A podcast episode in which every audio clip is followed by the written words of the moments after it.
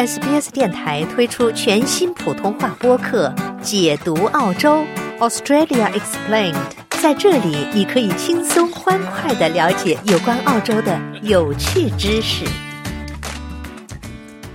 这两天哈，内政部的一则消息呢，就让期待通过商业创新和投资计划移民澳洲的投资人呢，感到比较紧张哈。原因呢是政府可能要关闭一八八签证的申请通道。是的，那。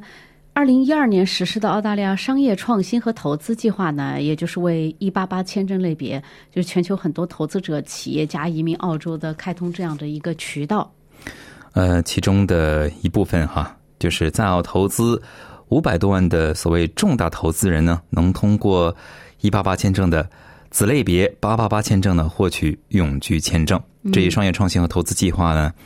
呃，为澳大利亚经济呢。据统计是贡献了超过一百六十亿澳元，其中呢，来自中国的申请者呢占到了百分之八十五以上。嗯，我们来看一看数字对比，在二零二二年之前呢，这个数字是保持在一千一百左右；在二零二二年到二零二三年的时候，数量呢是减半。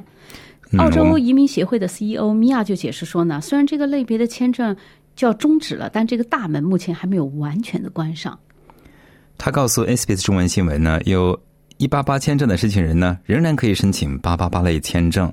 一八八类签证呢仍然开放，但目前呢没有配额，今年没有新的分配。这种签证呢需要一个州的提名，然而各州和领地呢没有分配任何名额来提名任何人获得这种签证。嗯，我们也看到很多的移民专业人士说呢，一八八类这个签证类别的调整显示了工党政府对于眼下这个移民体系和构成感到有不满。那格拉斯研究所的研究人员也说呢，这可能是澳大利亚整个技术移民计划当中最糟糕的部分。希望这一步呢能够彻底废除。这些计划，这个项目吸引的是年龄比较大、技术水平比较低的移民，他们对澳洲的贡献呢，相对来说会比较小。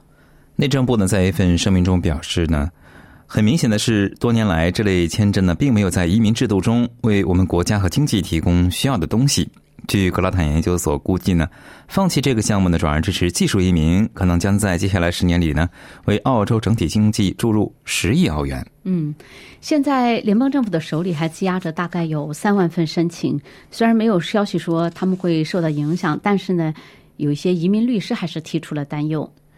澳大利亚移民协会表示呢，政府此举。并不是单纯的放弃海外投资，并分析说呢，很有可能是有了更精准的目标。想在 SBS 当一回影评人吗？SBS On Demand 正在推送配有中文字幕的热门影视作品，您只需观看一部或以上影视作品，并把影评观后感发给我们，就有机会赢得一份 SBS 精美礼品。